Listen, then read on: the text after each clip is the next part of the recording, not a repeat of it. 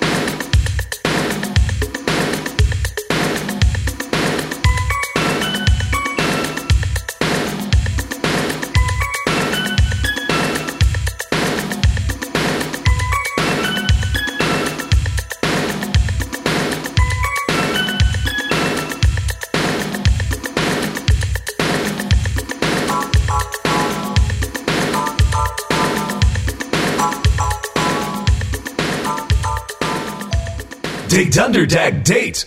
Frank Rooters. Dit is Juklen Zwaan. Hey Juklen, Ah, goedenavond. leuk dat je er weer bent. Vanavond eh, wil jij ingaan op dankbaarheid. Het is altijd goed om, volgens mij vooral voordat je gaat slapen, even stil te staan bij de drie dingen waarvoor je dankbaar bent. Wat brengt dat met zich mee? Ja, nou, dat is inderdaad een van de vele oefeningen die je kunt doen om je dankbaarheid te, te verhogen. Want het, eh, ja, er is recent een studie uitgekomen. Daarop blijkt dat eh, het voelen van dankbaarheid toch wel heel gunstig is voor, eh, voor onze gezondheid. Hè, het, eh, je wordt tevredener over, eh, over je leven en eh, het werkt tegen depressie. Het blijkt volgens onderzoek dat lichaam en geest nauw met elkaar zijn eh, verbonden. En eh, ja, dat ook de amygdala, hè, dat is eh, zeg maar een soort gebied in de hersenen. Nou, daar weet jij als psycholoog natuurlijk alles van.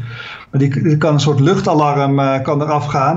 En, ja, dan, krijg je een soort van paniekstaat. Hè. De, overlevingsstand komt dan ja, naar voren. En ja, dat is niet goed voor, voor ons lichaam. Want eh, het brein kan minder goed functioneren en ja, er ontstaan er meer ontstekingsprocessen. Dus ja, als je juist dankbaarheid voelt, dan kalmeert de amygdala. En eh, ja, dan, dan zie je dus ook een afname van de ontstekingsmarkers hè, in, het, eh, in het bloed. Dus ja, daardoor zien onderzoekers ook weer een gunstige verloop met mensen met hartproblemen. Maar ook de slaap kan verbeteren, het immuunsysteem wordt sterker en ja, het eh, cardiovasculaire stelsel eh, gaat erop eh, vooruit. Nou, wat is voor jou dankbaarheid, Frank? Voor mij, dat het lijkt me gewoon stilstaan bij wat in jouw leven heel mooi is. Bijvoorbeeld dat je toch vrienden hebt of familie die er voor je zijn. Of dat je dingen hebt mogen meemaken op een dag.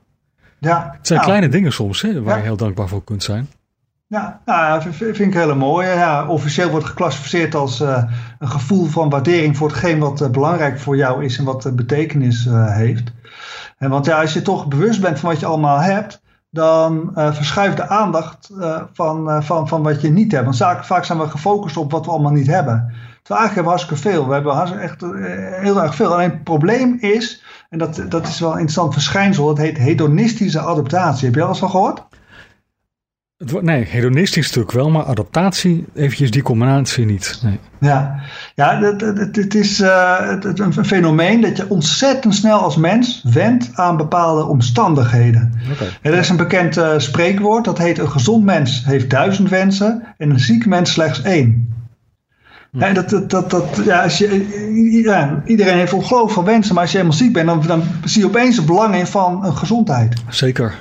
Alles komt in bijvoorbeeld eh, mensen die de eh, loterij winnen. Het blijkt dat die na een jaar over het algemeen weer op een oude geluksniveau zitten.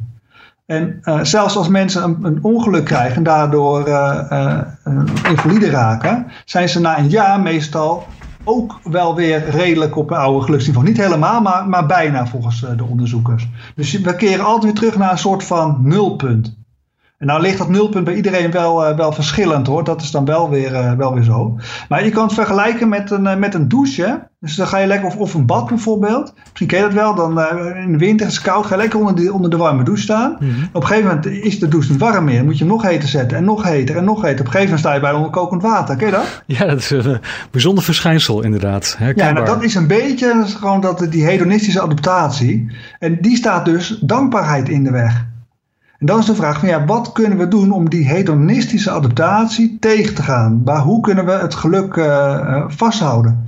Nou, en daarvoor zijn er een aantal dankbaarheidsoefeningen. Nou, jij noemde er net al eentje, hè, dat, dat eh, als je in bed ligt, dat je even terugkijkt. En nou, jij zegt dan kijken van nou, drie dingen, dan noem drie dingen op aan jezelf van waar, nou, waar je blij voor bent op die dag. En nou, ik vind het een hele mooie oefening. Ik doe hem zelf eh, regelmatig. En het blijkt, ook in slechte dagen, dus dat er altijd wel weer wat, eh, wel weer wat in zit. Het kan gewoon iets kleins zijn. Een, vreemde, vreemdeling op de straat die eventjes hè, een- een- naar je lacht of zo. Of een cashier die even vriendelijk was. Het kunnen kleine dingen zijn, maar Ja. ja, dat, dat, dat, ja mij geeft het sowieso altijd wel een goed gevoel. Maar er zijn meer van die oefeningen hoor. Bijvoorbeeld een eh, dankbaarheidsoefening. Hè? Dus moet gewoon dagelijks in een schriftje schrijven waar je dankbaar eh, voor bent. En dat kunnen natuurlijk grootste dingen zijn, het kunnen- kunnen ook kleine dingen zijn. Ja, andere mensen vinden het leuk om een visuele moodboard te maken. Dus er zit meer iets voor mensen die visueel zijn eh, ingesteld. Dan kun je lekker foto's of knipsels eh, eh, op een bord plakken waar je dankbaar voor bent. Als je dan even iets goed voelt, kun je dan daar even een blik op, op werpen.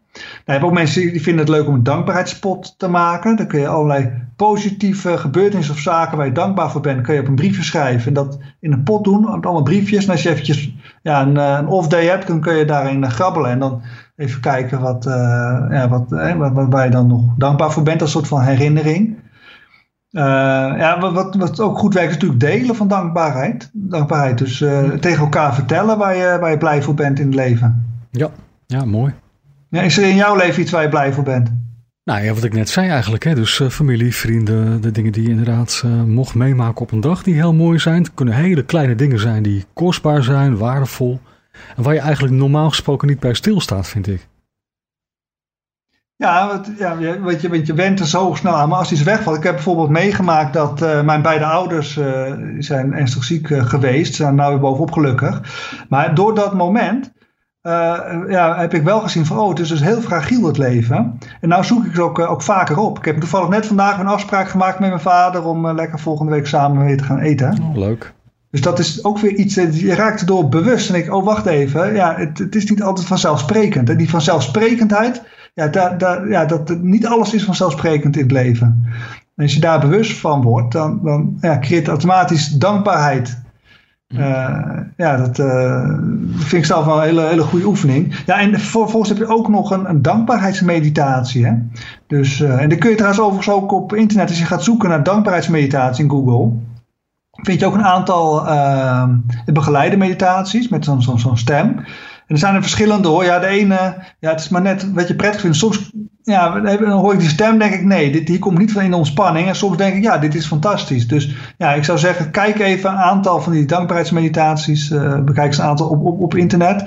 Ja, dan uh, misschien vind je er eentje. En uh, die helpt jou om tot rust te komen en ook om ja, meer dankbaarheid te krijgen. Ja, mooi. En pas jij het zelf toe, Jukle? Nou ja, ik, ik, mediteer de laatste tijd wat minder in verband met uh, onze kleine, die veel tijd uh, vraagt. Uh, maar voor, daarvoor deed ik, mediteerde ik wel regelmatig. Maar ik doe meer de dankbaarheidsoefening voor het slapen gaan, wat je ook zegt. Dat, dat is iets wat ik zelf heel prettig vind. Zo te doen. Of, of, gewoon als ik eventjes lekker rustig op een bankje zit in een park of zo, dan in mijn mind gaat er even langs. Dan, ja, soms heb ik ook eens van, hé, hey, ik voel me toch even minder. Nou, dan doe ik ook de oefening en dat, ja, bij mij helpt het wel. Eigenlijk is bidden ook een soort dankbaarheidsoefening, hè? Dat je toch uh, dankbaar bent, dan spreek je met God dan van wat je hebt meegemaakt of deze dag of wat er in je leven is. En, ja, nou, je hebt heel, heel veel, veel vormen van gebed en je hebt er ook een aantal bij die ook meer lijken op een dankbaarheidsoefening, zeker, ja. Nou, mooie dingen om, uh, om toe te passen in je leven, omdat je niet alleen maar, uh, ja, je, op dat je de amygdala rustig maakt, maar gewoon sowieso, het is goed voor je gezondheid.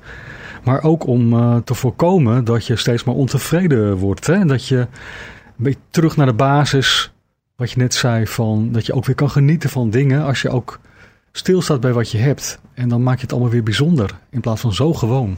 Precies, zeker. Mooi, uh, mooi gezegd. Ja, we hebben het meestal over de invloed van, van, van voedsel op onze gezondheid. Maar ja, wat is uh, je, je, je, voedsel voor je mind? is ook heel belangrijk. Dus ja, ja ook je, je mindset. En, en ja, dat kan ook een enorme invloed hebben op je gezondheid. Dus ik dacht, ja, het is toch een mooi onderwerp om ook even te bespreken. Zeker, goed. Uh, hartelijk dank daarvoor, Juklen. En we gaan het proberen toe te passen. Als het niet lukt, is het natuurlijk ook goed, want niks moet. Maar we gaan het gewoon proberen. Klopt, zeker. Hey, nou graag gedaan en uh, tot de volgende keer. Zeker, tot later Hoi. en fijne avond. Hè. I'm nothing special. In fact, I'm a bit of a bore. If I tell a joke, you've probably heard it before. But I have a talent, a wonderful thing. Cause everyone listens when I start to sing. I'm so grateful and proud. All I want is to sing it out loud. So I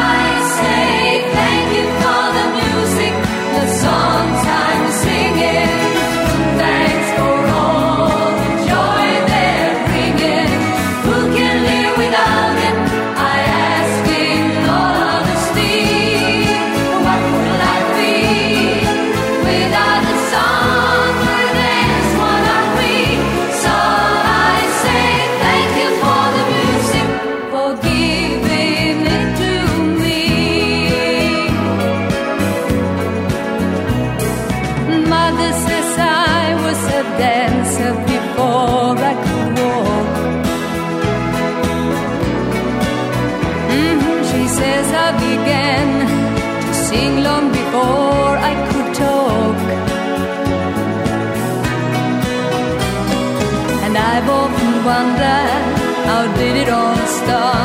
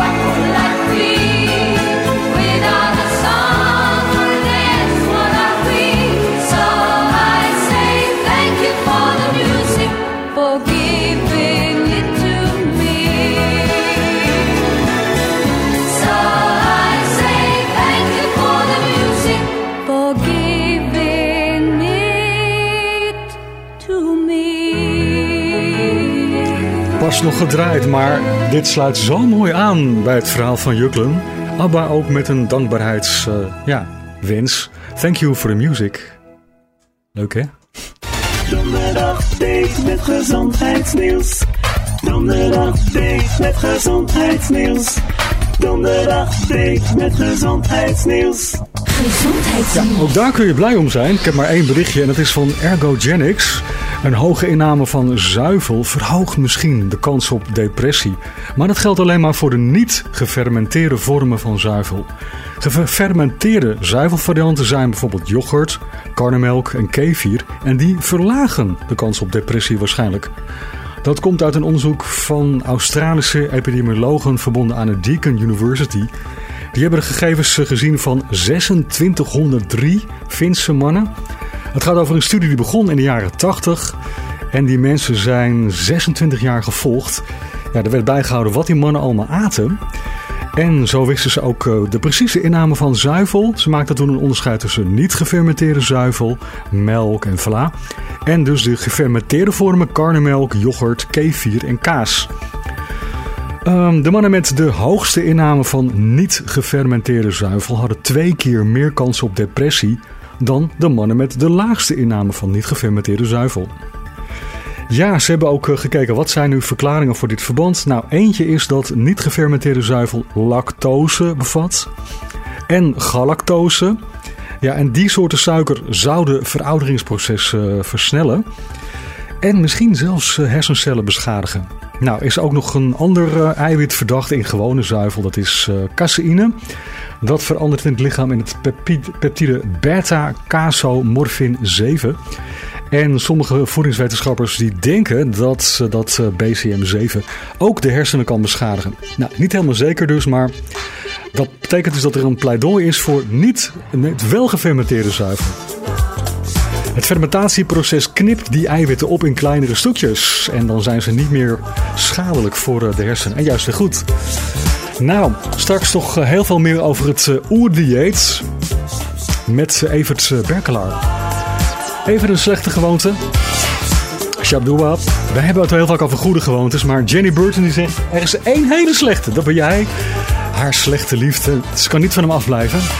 En denkt de hele dag aan hen, denk ik. Dit is er hoor. Haar verhaal. Dit is Jenny Burton.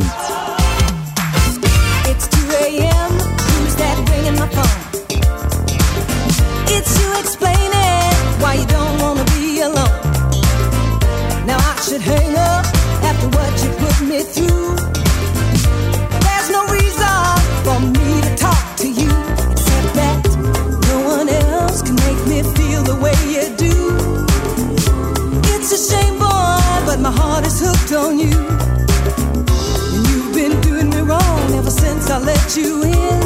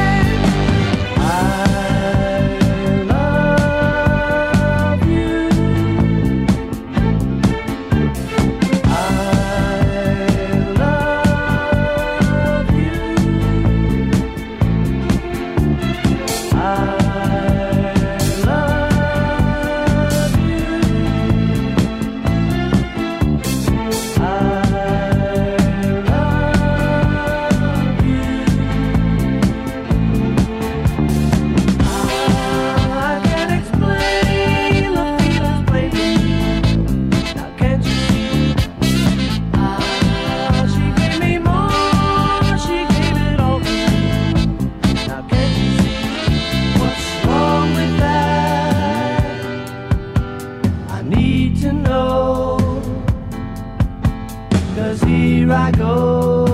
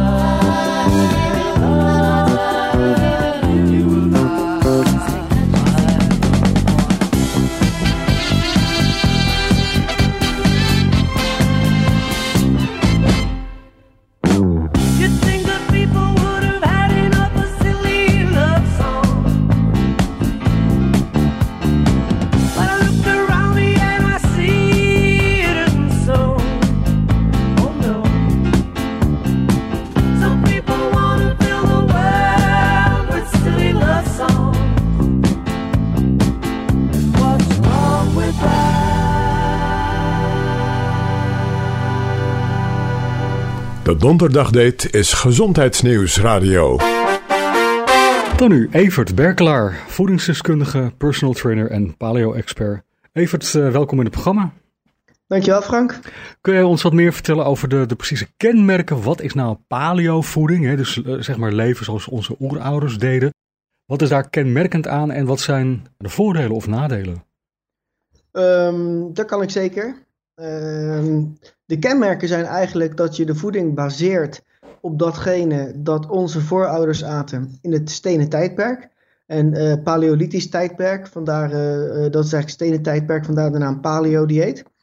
Ehm, wat at men vroeger? Ja, wat, er, wat de natuur bood. Dus het was en seizoensgebonden. Nou, dat stukje laten we in de praktijk vaak een klein beetje los. Maar in ieder geval, ehm, ja, het, heel simpel komt het neer op vooral groente, fruit, vlees en vis, noten en zaden. En natuurlijk hebben wij daar wat modernere voedingsmiddelen aan, eh, aan toegevoegd, zoals eh, bijvoorbeeld een olie, En zo'n jager-verzamelaar zou nooit olijfolie eten. Maar dat zouden wij wel kunnen, omdat we daarover kunnen beschikken. En zo hebben wij dus een aantal, ehm, ja, dat noem ik dan neolithische voeding, dus nieuwe voedingsmiddelen, toch wat toegevoegd. Maar het is toch een beetje dat wij denken vanuit de evolutie. Wat at men vroeger? Wat past bij mijn lijf? En dat stop ik in mijn mond. Dat Oké, is ja. het eh, heel kort. En dat kan je ja, uitbreiden naarmate jouw tolerantie, jouw individuele tolerantie voor bepaalde voedingsmiddelen, zoals peulvruchten en zuivel, die men vroeger niet at. Misschien ben je daar heel tolerant voor en zou je dat wel kunnen eten.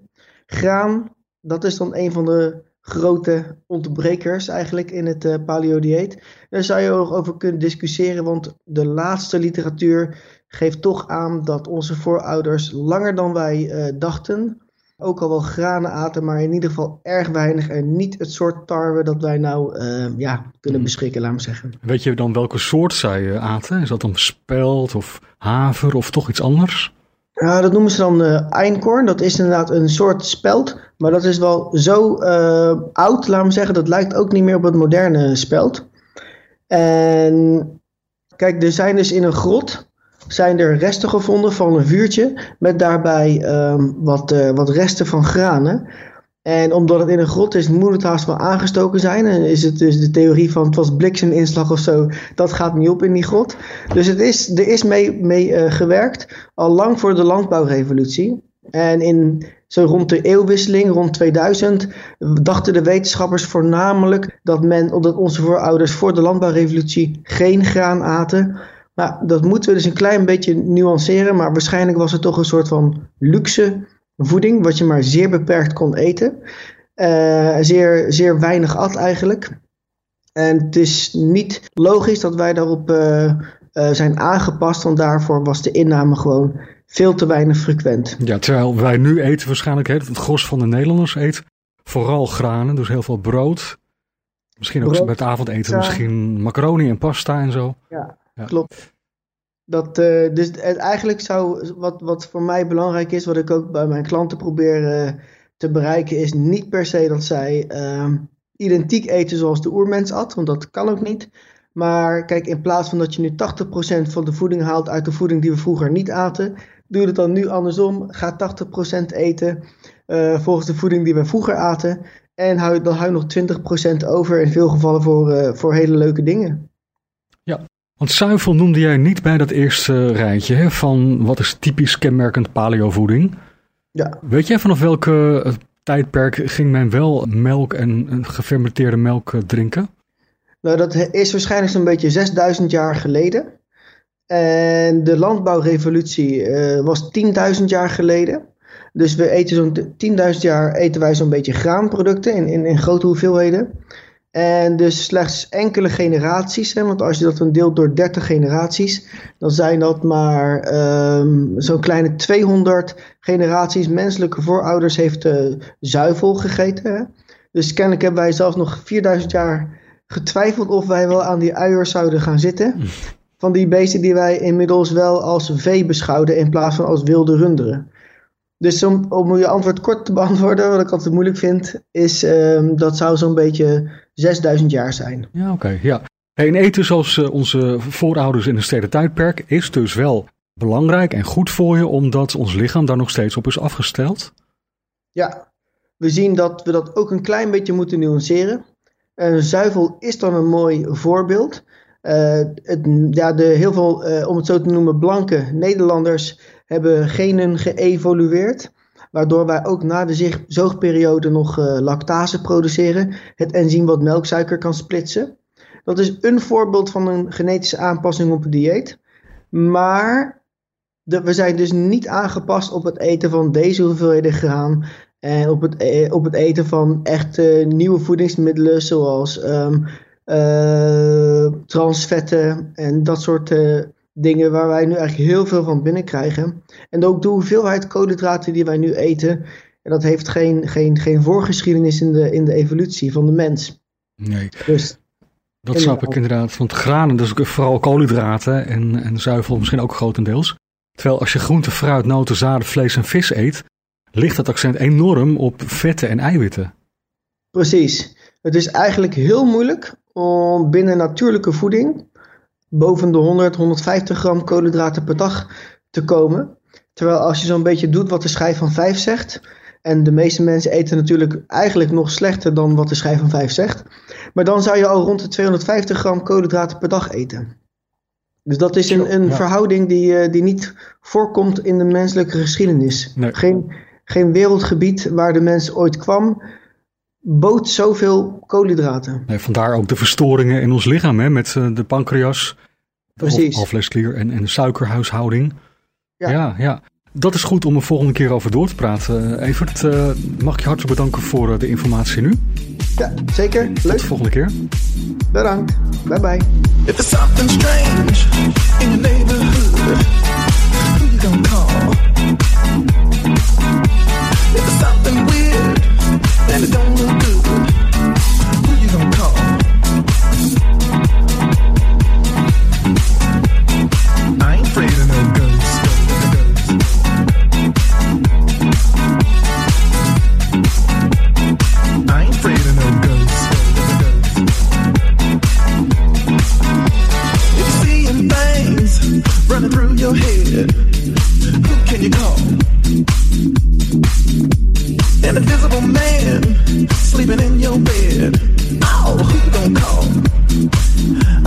can't hear you.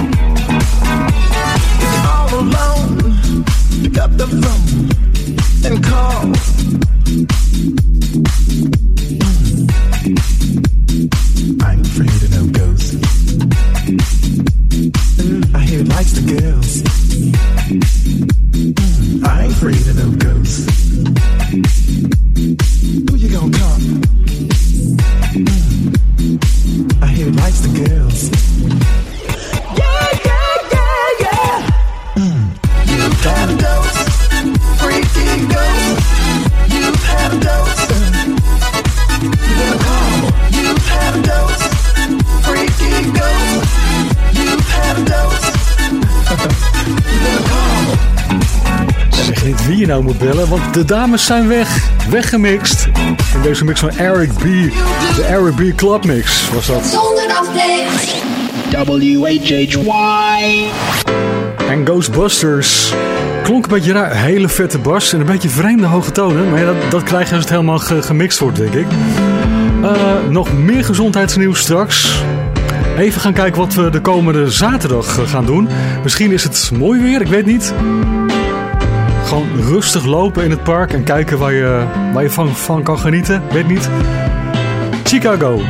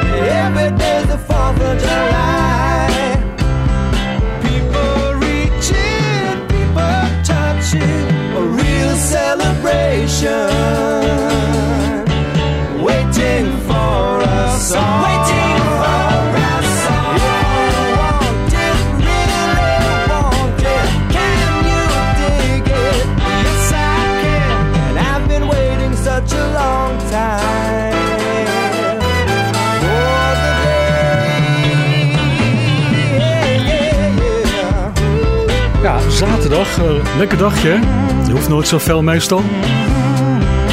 Lekker rustig aan doen. Volgens mij komt dit eh, nummer van Chicago van hetzelfde album als een van de mooiste If You Leave Me Now. Dat eh, ken je vast wel, hè? Het goud lacht je toe.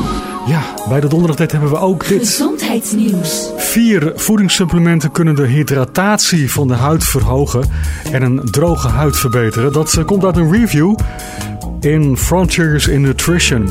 Nou, dit is de uitslag. Het gaat om collageen, ceramiden, hyaluronzuur en procyanidine. En dat heet ook wel pycnogenol. Nou, die wetenschappers hebben een eh, systematische review uitgevoerd... waarbij ze 66 studies hebben bekeken naar de gezondheid van de huid... En de, de belangrijkste deelnemers waren vrouwen in de leeftijd van 30 tot 60 jaar. Van dus collageen, ceramide, hyaluronzuur en procyanidine werd bewezen dat ze effectief zijn om het vochtgehalte van de huid te verhogen.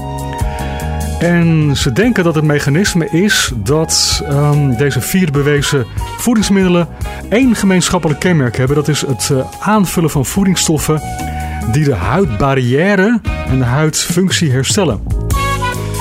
En ze zeggen ja, voor de andere onderzochte voedingssupplementen is toch wat meer en kwalitatief beter onderzoek nodig om de mate van effectiviteit te kunnen vaststellen. Nou, doe er je voordeel mee. Toch vier stoffen, hè?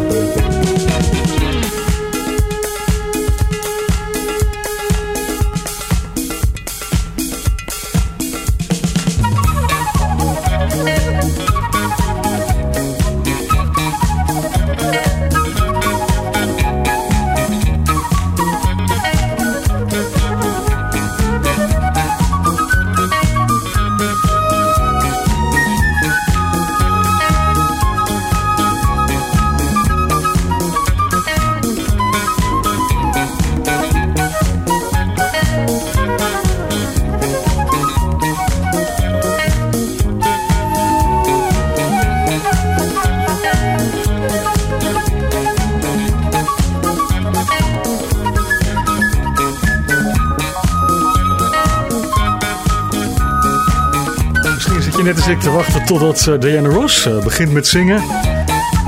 If there's a cure for this, I don't want it. Maar ze doet het niet, want het is eh, een nummertje van de Players Association. Die ken je weer van Turn the Music Up. En dit was Love Hangover in een instrumentale versie. Nou, nog eentje dan, om dit eerste uur te besluiten. En dan zit je zo meteen terug, hè? Oké, dit zijn de Alessi Brothers. Heel mooi liedje. Girl, I miss you feel you wanting me over the telephone. But I'm still here alone, and though it seems so close to perfect day, where everything just went my way, might have the longest night I've ever known. I wish that I was making love to you tonight. Wish I stars or a moon as bright.